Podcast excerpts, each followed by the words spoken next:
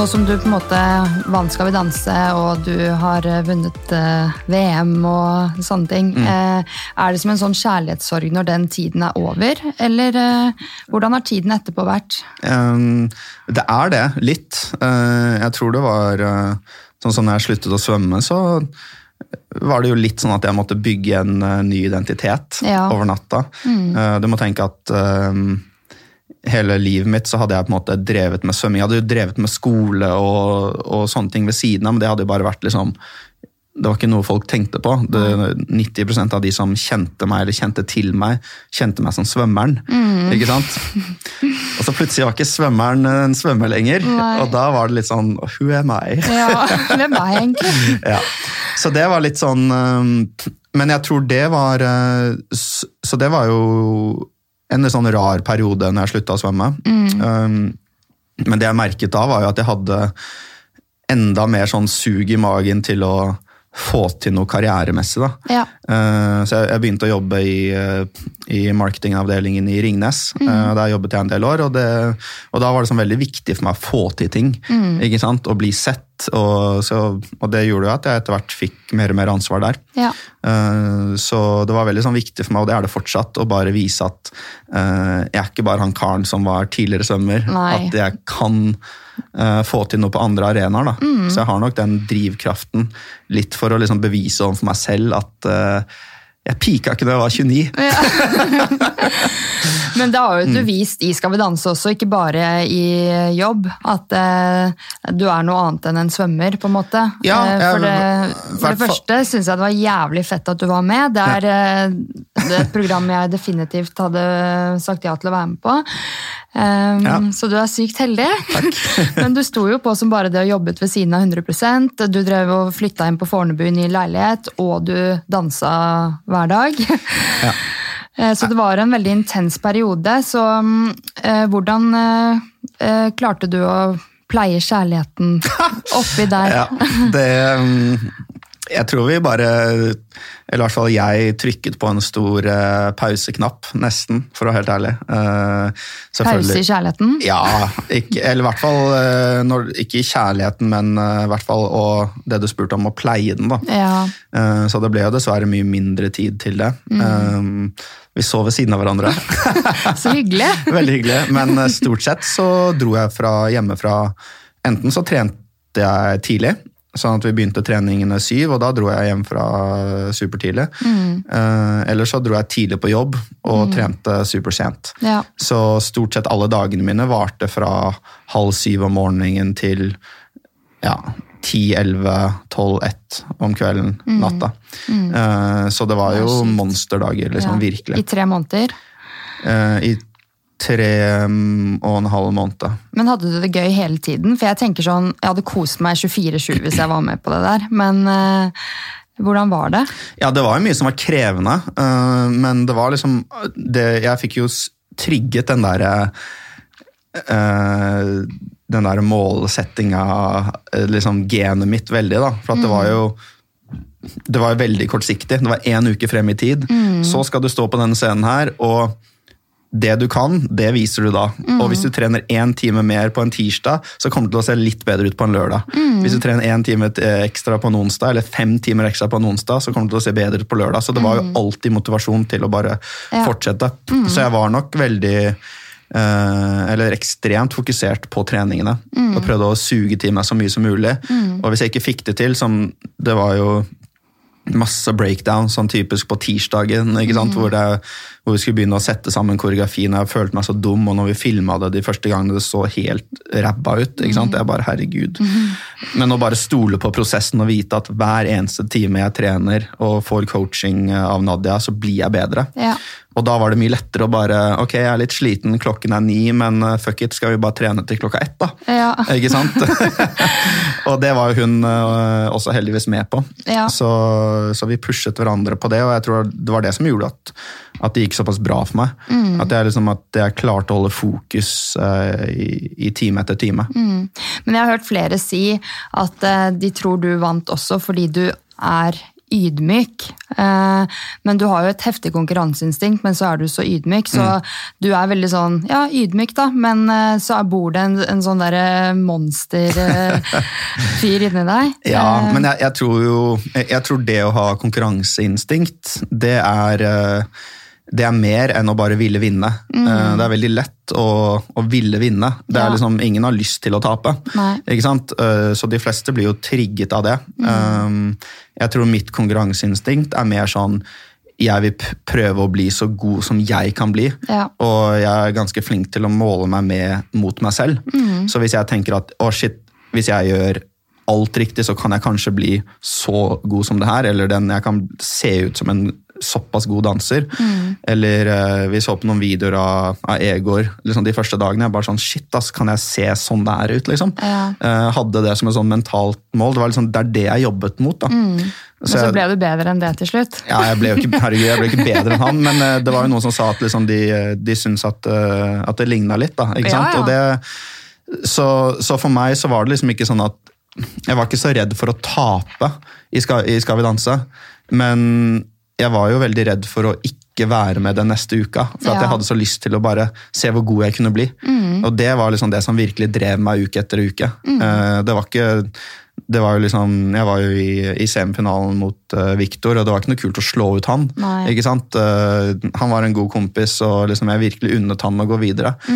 Men samtidig så hadde jeg sykt lyst til å bare få den siste uka der. Ja. Og lære enda flere danser og se om jeg kunne liksom bli enda bedre. Da. Så, og det fikk jeg. Ja. Så jeg følte at jeg liksom på mange måter, eh, eller på alle måter, maksa Skal vi danse. Ja, jeg fikk jo alt jeg kunne få ut av det.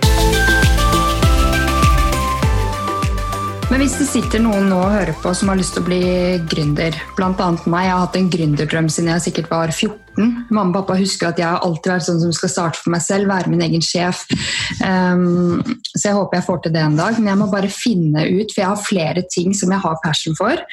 Um, jeg har ikke bare den ene tingen, så det er det som gjør det litt komplisert oppi hodet mitt. Men uh, hvis det er noen andre som har en idé, har du noen tips eh, til eh, hvordan man skal tørre å satse da?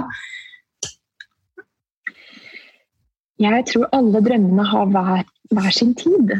Ikke sant? At nå er det tid for det, og så er det tid for det. Så alt, alle passions eh, og drømmer og ønsker har plass i livet. Det er ikke sånn man må velge én. Man kjenner at liksom, hva føles riktig nå.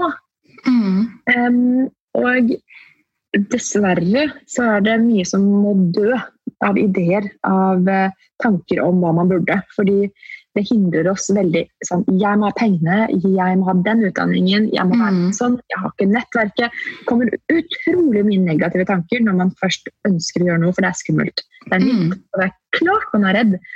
Men det første man må gjøre, er å prøve å ikke gå inn i hodet og begynne å analysere disse hindrene. Nei. For da har man egentlig allerede sagt stopp. Ja. Det blir veldig vanskelig å skape den flyten. Mm. Så egentlig det mindsettet jeg jobbet mest med da jeg begynte å slå Raw, var egentlig tankene mine. For det virket som alt på en måte kunne flyte rundt. Kundene kom på en måte. Jeg tok noen bilder, la ut. Jeg gjorde det sånn, hadde det veldig gøy. Mm. Men da jeg begynte å tenke nei, fader, altså jeg har ikke peiling på økonomi, jeg kan ikke gjøre det her, så stoppet det opp. Mm. Istedenfor da å tenke ja, jeg lærer meg det, jeg googler det. Ja. Så hvis det er mulig å starte en raw food-kafé på Adamstuen uh, der alt annet på en måte gikk ganske halvveis Det var- det er jo ikke folk der oppe, folk bor der, men det går jo ingen forbi. Ikke sant? Det er jo ikke Oslo sentrum. Hvis Nei. det er mulig, så føler jeg at alt er mulig. Mm. Altså, det er egentlig bare opp til en selv. For man kjenner hva føles riktig nå. Og så kommer alle stegene etter hvert, og man kan ikke hoppe ti steg frem. Man må gjøre akkurat det man kan gjøre her og nå. Og jo mer man gleder seg over der man er, jo fortere går det. Jo mer man eh, setter pris på absolutt alle småbitene og tingene som skjer nå, Mm. så kommer drømmene fortere. Mm. Det blir veldig sånn å tenke fremover. Nei, jeg vil ha alle klientene nå. Nei, jeg vil vite absolutt alt nå. Det er ikke veien, fordi da vil det alltid være mer, mer, mer, mer. mer. Mm. Men sånn, ok, jeg er her. Hmm, jeg skal starte en business. Og så begynne å drømme inn i det. Begynne å lage vision board, skrive, connecte med folk. Vær ute, gå ut i livet. Kanskje ikke akkurat nå, men det er et stort, stort, stor verden på nett. Mm. Um, alt ligger der. Så det egentlig er det bare hindrene i hjernen vår som stopper oss. Det er ingenting der ute som egentlig hindrer oss. Hva kjennetegner en god leder? Mm. Jeg vet jo hva jeg ser på som en god leder, men, ikke sant? Ja. men uh, føler du at det er noe eh, grunnleggende for at man er en god leder? Ja, det fins jo noen kriterier man bør innfri. og Det ene er jo at du eksempel da, det, Nummer én det er at du er eh, et eksempel. Du må være et eksempel. Gå foran som det gode, den gode rollemodellen du bør være. Eh, og så bør du være hel ved. Si det du gjør, og gjør det du sier, sånn at folk veit hvor de har deg. Og, det er, det, og det er greit at man av og til er uenig med deg, men man veit hvor man har deg. Ikke sant? Så er det jobben som leder det er å lage de gode rammene og de gode, trygge strukturene for sine kollegaer og sine ansatte.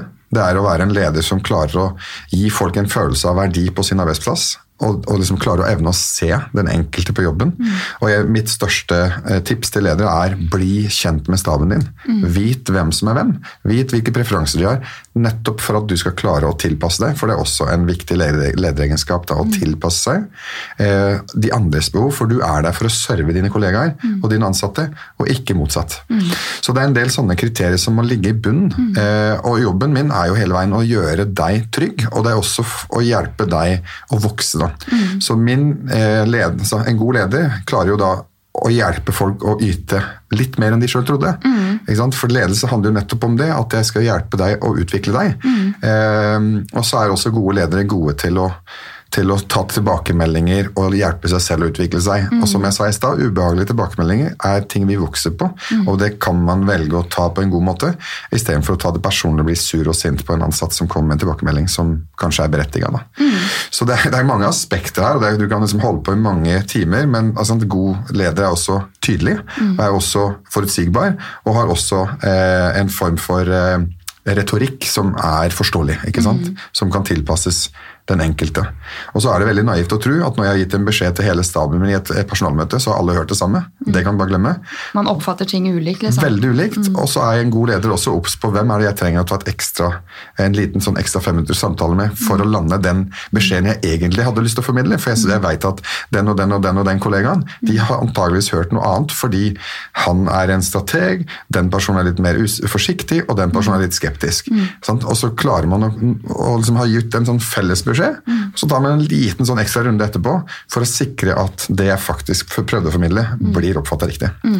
Så, så det tror jeg egentlig gjelder i all eh, dialog mellom mennesker. Det gjelder læreren i elevgruppa. Sant? Det er en haug med elever som trenger ekstra oppfølging i en undervisningstime. Og det samme gjelder treneren på et lag som, som gir en beskjed til utøverne. For det er noen som hører og blir inspirert av en setning, og så kan andre bli redd for å ikke nå opp til forventningene. Men det grunnleggende du har nevnt nå, det bør jo alle ledere eh, hvis de skal være ledere, da, ha med seg, tenker jeg. Eh, fordi eh, dårlige sjefer er jo, eller dårlig ledelse er en av de største hovedårsakene til sykemeldinger. Ja, det, altså det å være sliten er ikke noe sykdom. Nei. Det er helt naturlig. Iallfall i dag med de livene vi lever, de aller fleste av oss som er tettpakket med program. Men eh, jeg tror det at eh, jo mer du klarer å bevege deg, jo mindre vil du oppleve den mentale slitenheten, hvis vi kan kalle det det. For det er det virkelig noe som gjør hjernen mer robust for å takle utfordringer og stress. Så er det det å være i regelmessig fysisk aktivitet. Men så tenker jeg også at det er viktig, klart hvis du er helt på felgen, har sovet lite, så er det mange som da tenker at nei, nå har jeg sovet så lite at nå er det ikke bra å trene. Ja. Så pleier jeg å si at ok, du kan tenke deg at du har en del byggesteiner for helsa di. Søvn er en av dem. Fysisk aktivitet er en annen. Kosthold, sosialt samvær osv. Hvis, hvis, en av byggesteinene, hvis du har slitt litt på en av byggesteinene og sovet litt dårlig, så hjelper det jo ikke å ta bort en annen byggestein. Nei, Fysisk aktivitet. Så et kompromiss da kan det kanskje være å senke ambisjonene litt om hvor mye man skal bevege seg. Ikke nødvendigvis gå ut på en lang løpetur eller trene intervall, men bare komme seg litt ut, gå seg en hurtig tur, sykle seg en rolig sykkeltur. Og gjøre noe, så tror jeg du vil oppleve at du får mye av energien tilbake. Og så kan det hjelpe på søvn òg. Ja, absolutt. Men man angrer jo aldri på en treningsøkt. eh, Og når man kommer seg ut, så har jeg også hørt deg si at eh, eh, det skal litt til for å snu med en gang du kommer ut. For når man kommer ut, så er det deilig. Men så har man jo de som trener i perioder, og så er de kjempeumotiverte, og så begynner de igjen, så er de kjempeumotiverte. Eh, hva, hvorfor er det noen som klarer å beholde den jevnlige motivasjonen til å trene jevnlig hver uke, selv om selvfølgelig det er opp og ned for oss også, men mens andre kan ha månedsvis, nesten et år pause, og så er de på'n igjen, liksom. Ja, og det er jo et veldig godt spørsmål. Og jeg har ikke noe helt sikkert svar, men det vi blir mer og mer klar over, er jo at det er en del kjemiske forskjeller på hjernen vår. Det som skjer når vi er ute og beveger oss, uansett hvem du er, om du er regelmessig i fysisk aktivitet eller om du er sofasliter, så vet vi at det skjer en utskillelse av noe som heter dopamin, annet, mm. som er først og fremst belønningshormonet vårt, mm. eller signalstoffet vårt, som påvirker belønningssenteret og, og gir oss en velværefølelse. Og for noen nærmest en ruslignende tilstand. Ja. Og Det er jo et signal til hjernen om at vet du hva, det du driver med nå, det er bra, det. Det ja. må du gjøre mer av. Mm. Og så vet vi at det er litt forskjellig følsomhet for dopamin. Okay i dette belønningssenteret, sånn at noen mennesker vil nok få en større gledes, gledefølelse av å være i aktivitet enn andre. Mm. Og, og, Det kan jo forklare noe av hvorfor noen blir helt hekta på treningen og, og, mm. og finner ut etter hvert at dette er den ene tingen jeg ikke kan klare meg uten hver dag. Mm. Mens andre syns det er ok i perioder, og så klarer de seg helt fint og savner ikke treningen når de ikke gjør det. Ja. Så det er nok en del genetiske forskjeller. Mm. Og så handler det selvfølgelig litt om hva er drivkraften din for å være i bevegelse. Mm. Altså det vi kaller indre motivasjon, da, spesielt. Ja. Hvorfor er det viktig for deg å være i bevegelse? Mm.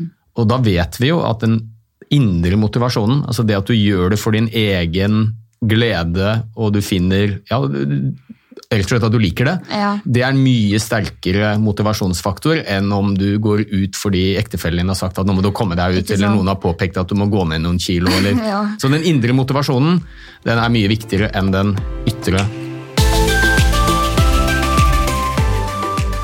Anbefaler du andre å teste seg hvis de er i tvil og kjenner igjen mange symptomer? Vi snakket jo litt om det, Tina, i forhold til dem. Er det, er, det, er, det, viktig å vite det? Har det gjort en forskjell? Mm. Er det egentlig så farlig? Mm. For meg har det gjort uh, alt. Mm. fordi at uh, nå er det så mye lettere å takle de dårlige sidene ved det, fordi at man har en knagg å henge det på. Man går ikke hele tiden og lurer på hvorfor man uh, føler seg så gæren og, og annerledes.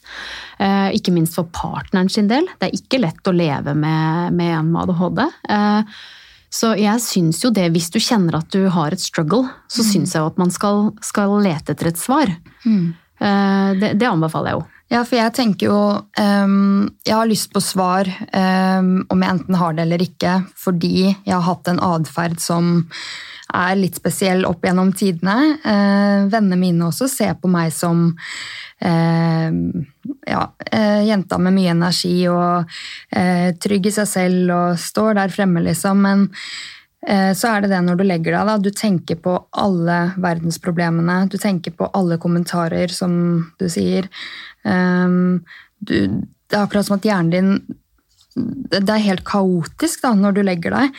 Og for alt jeg vet, kan hende at dette bare er sånn veldig mange har det, og at mm. det ligner på ADHD. Men Eh, det er veldig interessant å høre på deg som har fått det bekrefta, og hvordan du eh, lever med det i dag eh, som 34-åring. For min del så føler jeg det er veldig det der uforutsigbarheten. Det er litt sånn som vi snakket om at, at noen kan trekke paralleller til at man er bipolar. Altså det, det, det, er jeg jo ikke enig i, men jeg forstår jo hva man mener. Fordi at man kan være så høyt og lavt om hverandre. Og det er så mye tankekjør og Eh, man kan være inne i en diskusjon, og så plutselig så tenker man på noe nytt, og så begynner man å snakke om det, og så blir det helt sånn rart for andre. Så det må man jo virkelig skjerpe seg på ikke sant? og ta seg inn. Og så kaster man seg ut i ting og sier ja, og så er det sånn ah, angst rett etterpå. Ja, ja, ja. Eh, og det er jo det folk rundt skal forholde seg til. Da. Og så er det det med at, eh, at, jeg hører eh, alle lyder sterkere enn alle andre, føler jeg. Altså Hvis vi sitter og ser på en serie på, på kvelden, så, så, kan mannen min bli helt gæren. Fordi at jeg kommenterer alt av liksom sånn små pirking på en negl, ja. lyder ute som Nei. han overhodet ikke hører. Jeg det er sånn oversensitivitet på alt. Det er sånn når jeg sitter og ser på serie med Gard også, og hvis han bare sitter litt med hendene sine, så er jeg sånn Slutt! Det er helt slutt, forferdelig. Slutt! Altså Jeg får helt sånn spasmer i kroppen av å tenke på de, at han sitter og fikler med hendene sine eller neglene Ja, sine. det, er, eh, det er ting ingen andre ville reagert på, som selvfølgelig irriterer de. Men hadde de kjent hvordan den lyden fremstår i hodet mitt, så tror jeg man hadde forstått det. ja, ja. Men det blir jo mer altså, Det er vanskelig. Det er kjempevanskelig. Mm. Men eh, hva slags tiltak gjør du i hverdagen for å leve best mulig med ADHD? Det har vært et kjempestruggle, det må jeg bare si. Og i hvert fall for de rundt. Eh, Jeg tror det har blitt veldig mange, mye fokus på dette her for, for Oskar også, som eh, skal henge med på alle de berg-og-dal-banene mine. Men nå tror jeg liksom at jeg har landa, og det er eh, Jeg gikk til en sånn ernæringsfysiolog, fordi at jeg leser jeg, at Det er heldigvis da, at jeg har ADHD, for da går man jo all in. Så jeg har jo lest hele Google og faglitteratur og andre typer bøker, ikke sant. Og har eh, ønsket å prøve de naturlige tingene før medisiner og sånn. Så jeg har gikk til en ernæringsfysiolog og fikk hjelp, så vi sånn, eh, gikk på en sånn elimineringsdiett, er det det det heter? Eh, hvor jeg kuttet ut alt, og så introduserte jeg en og en ting. Og det ble jo dessverre ganske sånn massivt, fordi at jeg kan jo ikke spise nå, har jeg funnet ut, både gluten, havre, eh, melkeprodukter og eh, egg. Ok, Så det er ikke en del av kostholdet ditt? Det er ikke en del av kostholdet mitt, og med melkeprodukter så er det da melkeprotein, så det, jeg kan ikke ha laktosefritt heller. Uh, så det er klart det er en, en total forandring i mitt liv. Eh, men men uh, det er ikke en overdrivelse, fordi at når jeg spiser de produktene, så kan jeg enten bare si natta dagen etter fordi jeg blir deppa og kjempesint. Eh, eller så blir jeg helt fjern. Jeg får en sånn brain fog som er helt eh, jeg, jeg får ikke med meg noen ting. Det er helt fjernt. Så for meg har det vært helt, eh, helt vilt hvordan det har, har hjulpet meg. Men fortsatt, etter å ha gjort den endringen, så er det jo mye som er vanskelig. Så det er jo ikke sånn at jeg føler at jeg er helt kurert, på en måte. Og det krever jo at jeg står i det hver eneste dag, hele tiden. Jeg bør legge meg til samme tid. Jeg må i hvert fall stå opp til samme tid eh, hver morgen.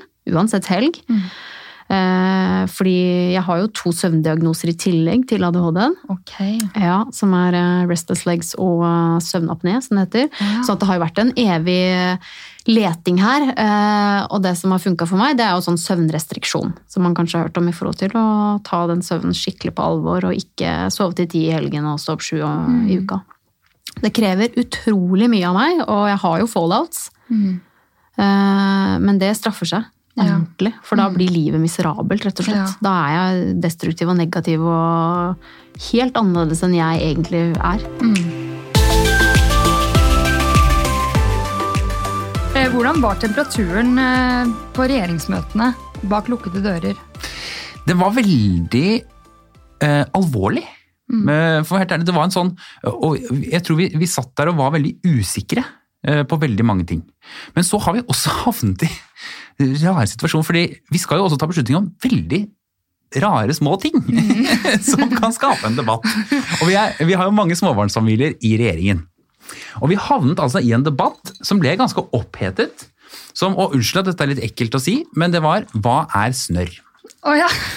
Og det var fordi regelen var at du kan ikke sende barn i barnehagen hvis de er forkjøla.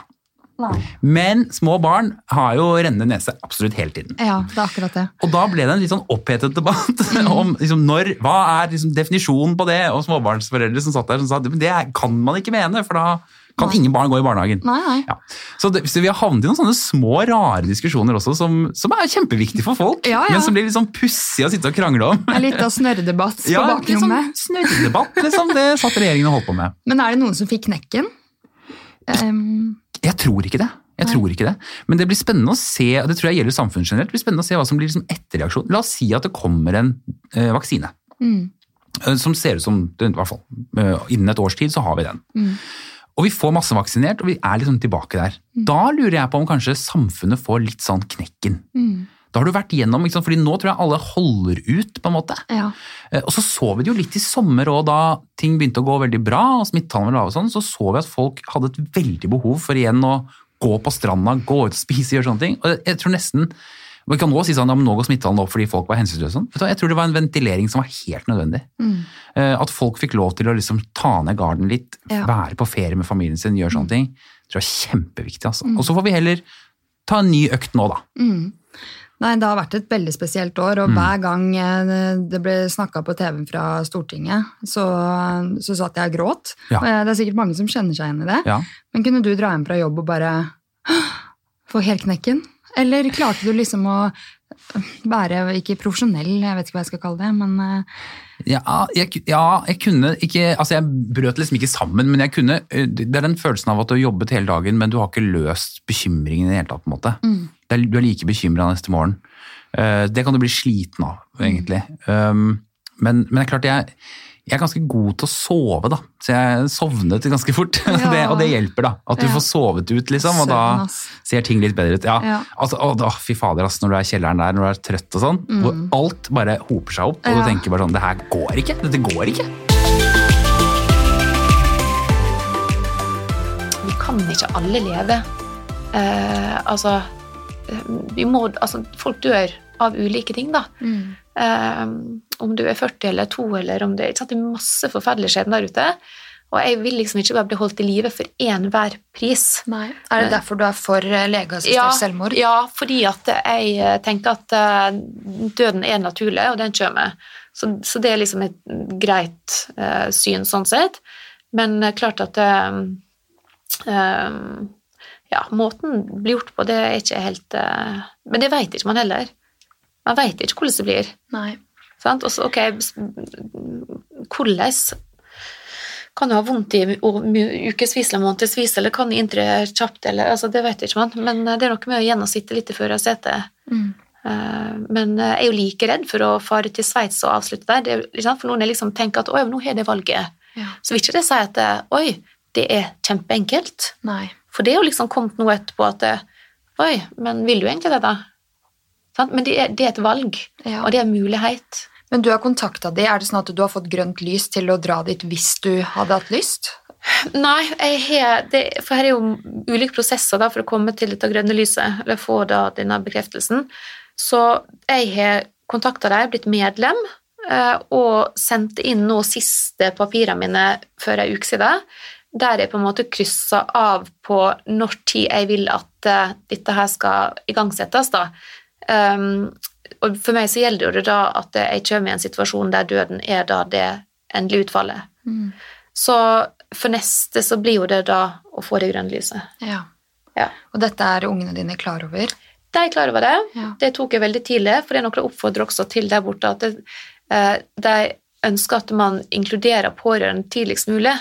Eh, Både for de pårørende sin del og hans egen del, og også klinikken sin del. Så ikke de på en måte skal få noe sikkert på seg. da. At, eh, For der eh, hadde de, som jeg skjønte, hadde kanskje hatt en del opplevelser der folk ble sinte fordi at de ikke var eh, opplyst om at de ville eller at de ønsket å ta livet sitt. Og så eh, hadde jeg dratt dit bort, og så eh, ja, altså hadde jeg liksom innvilga det. Mm. Liksom. Ja. Jeg lurer på, har du, du har jo eh, lagd deg noen tanker rundt dette her, og det er jo en hjertesak for deg. Um, har du lagd noen tanker om hvordan, hvis du skulle dratt til Sveits, da, Mm. hvordan du hadde hatt lyst til at det skulle eh, Ja. blitt gjort? Ja, ja, for det, det er jo en annen ting også. Hvordan skal det bli gjort? Um, og det endrer jo seg også. For i begynnelsen tenkte jeg at å, ja, men da kan jeg få bort dit, og så er det bare én person som er med. Uh, ok, hvem er det? Eh, for jeg tenker det er enklest. Men så ble vi sittende og snakke med deg og dattera mi, og så hun bare ja, men herregud, jeg må jo få være med på det. Så jeg bare eh, ja, det må du sikkert. Eh, så tenkte jeg ja, skal man ha med seg ungene på sånt, liksom? Det er jo, det er jo sikkert vanskelig. Mm. og hva gjør du liksom i dagene før? Går man ut og spiser middag, eller altså Nå var det, det jo på Debatten han unge gutten eh, Ja. Torgeir, eller Torstein, eller hva han het, Mm. eh, som eh, var 24 år og valgte å ta sitt eget liv. Og Mm. foreldrene ble med han til Sveits, og de Mm. hadde det veldig hyggelig i dagene før Ja. da. Mm.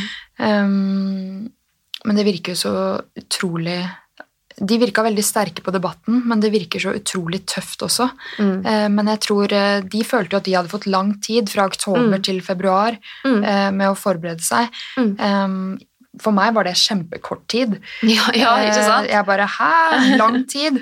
Men Mm. eh, ja, om det Du har noen tanker rundt Ja, for det, det jeg tenkte, det er vel det, man, måte, det jeg kanskje gjør allerede nå. Sant? Jeg starter å forberede allerede nå, på min måte. For det som kommer der framme, om det er to år eller fem år eller ti år, eller Det vet ikke man. Så klart at eh, jeg tror veien blir litt sånn til underveis, og det jeg bestemmer for i dag, som jeg tenker at det er det, sånn vil jeg ha det. det jeg tror ikke nødvendigvis det som skjer. Nei. For det at, eh, ja, man går gjennom så mange faser. Mm. Men klart at det er lysbetont, ja.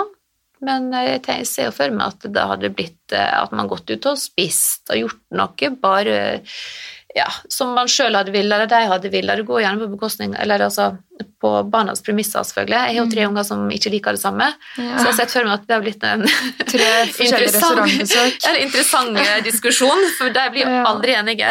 Nei. Eh, Så det hadde sikkert blitt litt kaotisk, sånn som det ofte er med oss. Nei, men Historien din er veldig inspirerende. Det er jo derfor jeg ville ha deg i podkasten. Ja. Eh, bare det at du har klart å sette deg de målene etter en så heavy start på året, med hodeoperasjon og psykisk knekk og alt mulig. Så jeg håper liksom at eh, alle som er eh, gjennom noe tøft der ute, da, eh, kanskje kan ta med seg fra denne episoden at eh, det kan være lurt å sette seg noen mål, da. Ja. For å Jeg komme seg håper jo det at det kan inspirere noen til å kjempe seg videre. Og det er, det er viktig å si det at det er jo ikke lett. Nei. Det er jo til tidvis drittøft Mm. og helt for jævlig. Men hvis du klarer å liksom komme deg gjennom det, Mm. så står du sterkere igjen. Vi alle har jo et behov for å kjenne på en mestringsfølelse. Mm. Det er nettopp det. Så um, mål er viktig i livet. Det er det. Og det er store, små, viktige, korte, langsiktige mål. Absolutt. Men da stiller jeg første spørsmål, da. Mm. Hva er dine beste tips for å starte uken best mulig?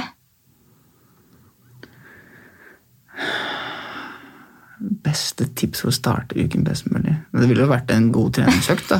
Naturligvis. Jeg bare venta på den. Ja, du sa så, Det var vel en selvfølge, det. Mm. Nei, jeg vet ikke. Kanskje det å stå opp med et smil. Mhm. Det er veldig enkelt, men samtidig veldig vanskelig. Ja, det, det var litt vanskelig. Ja, fordi Senest i går våkna jeg opp sur som en potteflinte, Ja. og jeg bare Hvorfor klarer jeg ikke å snu denne dagen her? ja, det, det er en veldig enkel, men samtidig vanskelig ting. er Å stå opp med et smil.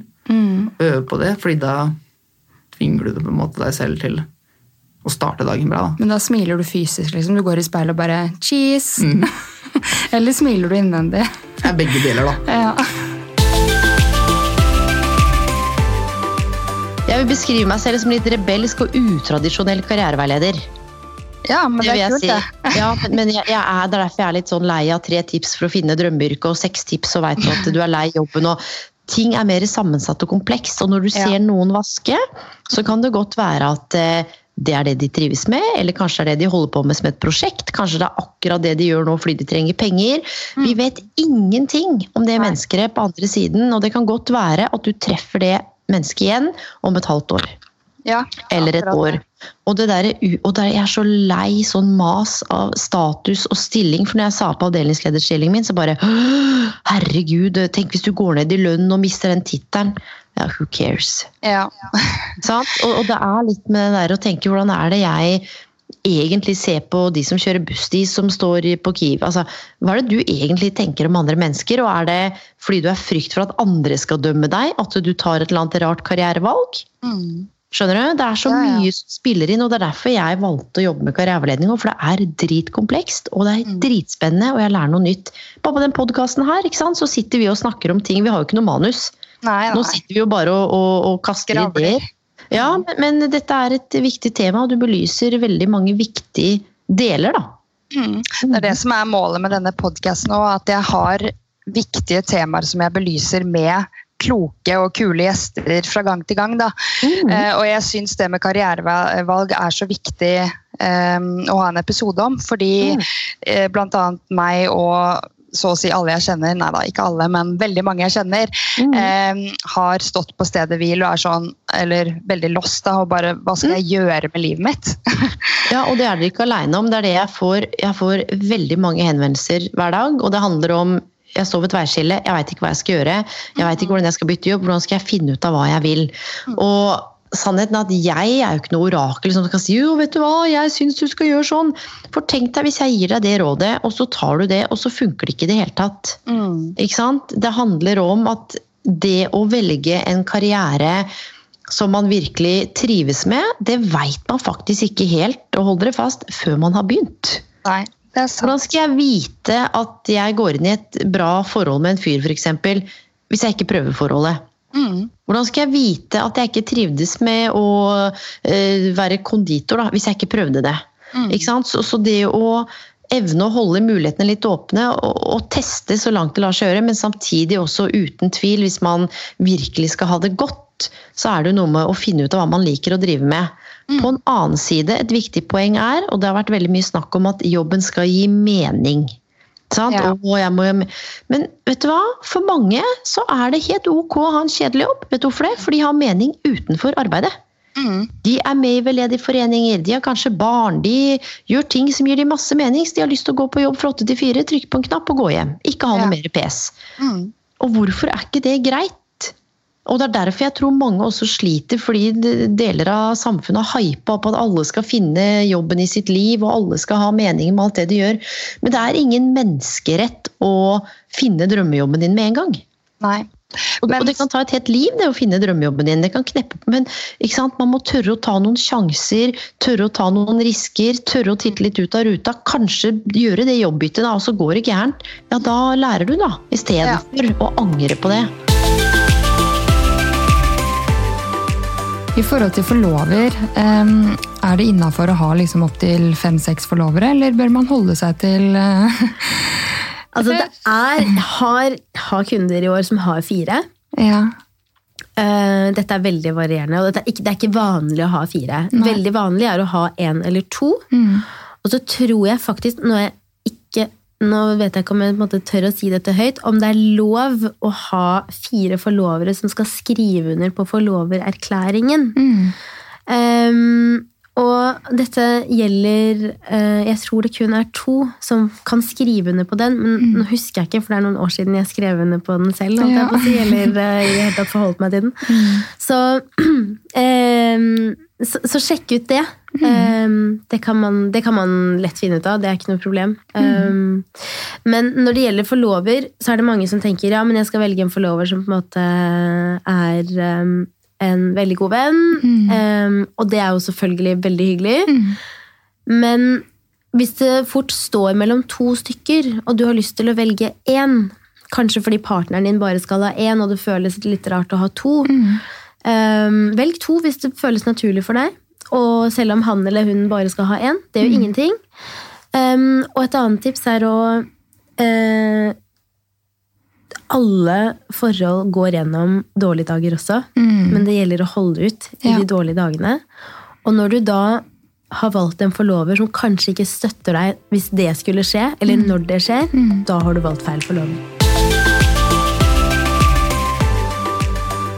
Men har du noe råd til eh, de som har lyst til å starte for seg selv? Um, ja, og bli gründere, da. Eh, og kanskje si opp jobben, eller ja, Ja, det- tørre. Ja, der, det er vel mange råd der. Um, men um, nå har vi vært- inne på dette her med å ha mennesker rundt seg som støtter seg. Det er Pri på en måte pri, ja, pri én.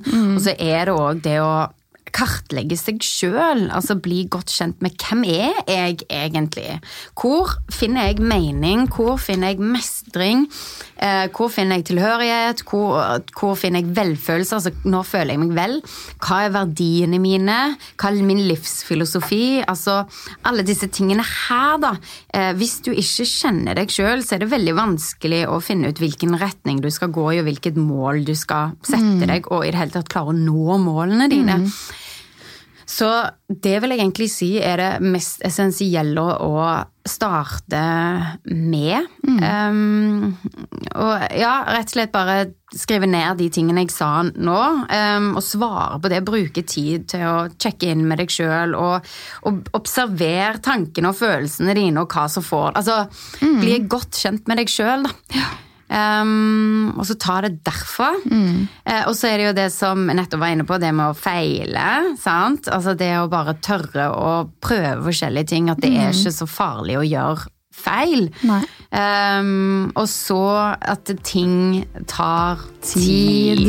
Ja. Det var egentlig samboeren min, eh, Joakim, som eh, var brutal og veldig, veldig tøff mot meg plutselig en dag og sa at nå er du tjukk. Oi, Nå- Og han sa det rett fram? Ja, rett ut. Oi. Mm. Jeg merket at han var litt sånn var litt annerledes en periode. Um, Gikk det utover parforholdet på en annen måte enn at du merket Hvordan merket du at det, det var annerledes? Ja, jeg merket egentlig bare veldig plutselig Mm. at han kanskje ikke virket like interessert lenger. Mm.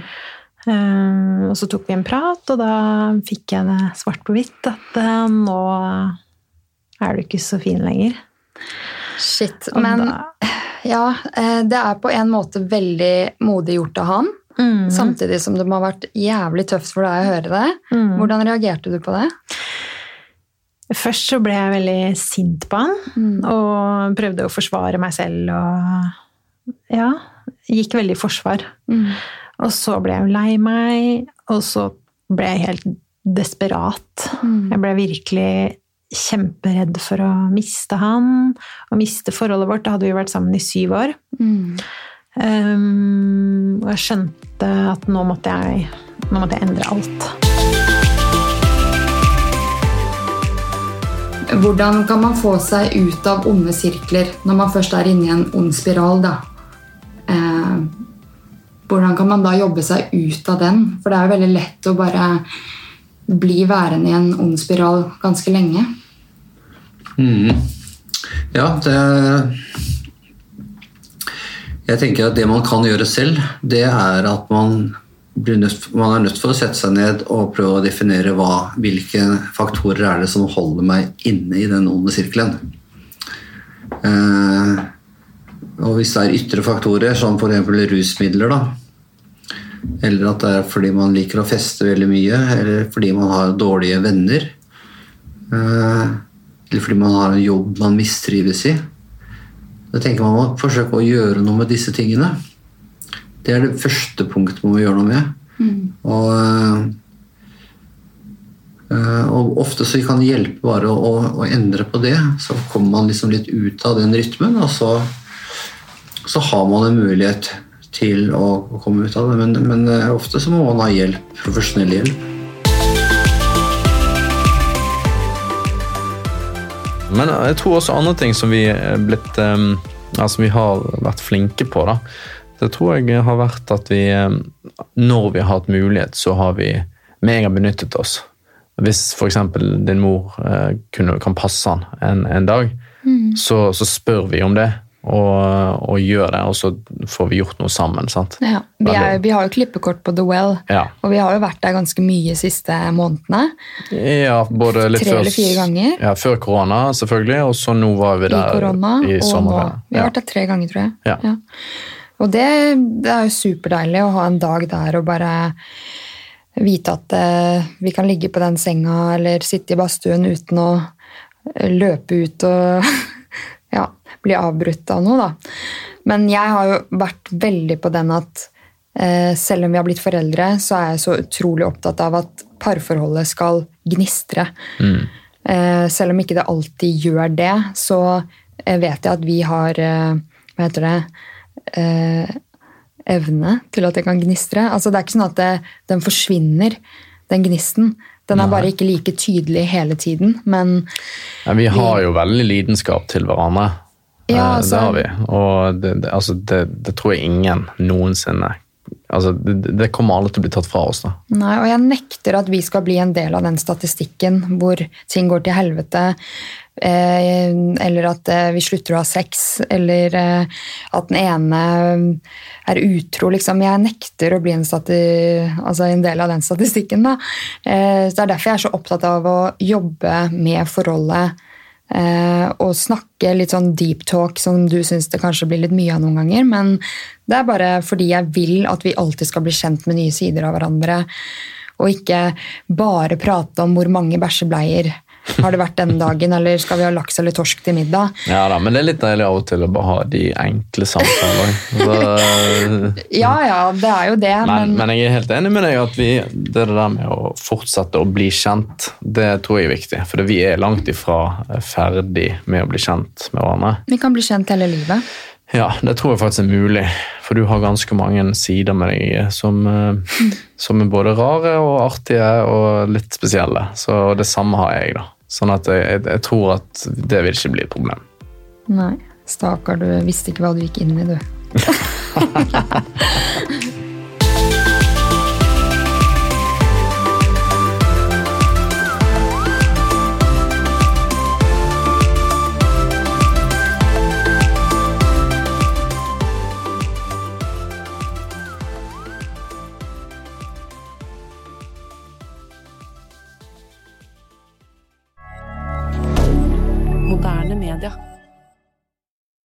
Har du et enkeltpersonforetak eller en liten bedrift? Da er du sikkert lei av å høre meg snakke om hvor enkelt det er med kvitteringer og bilag i fiken, så vi eh, gir oss her, vi. Fordi vi liker enkelt. Fiken superenkelt regnskap.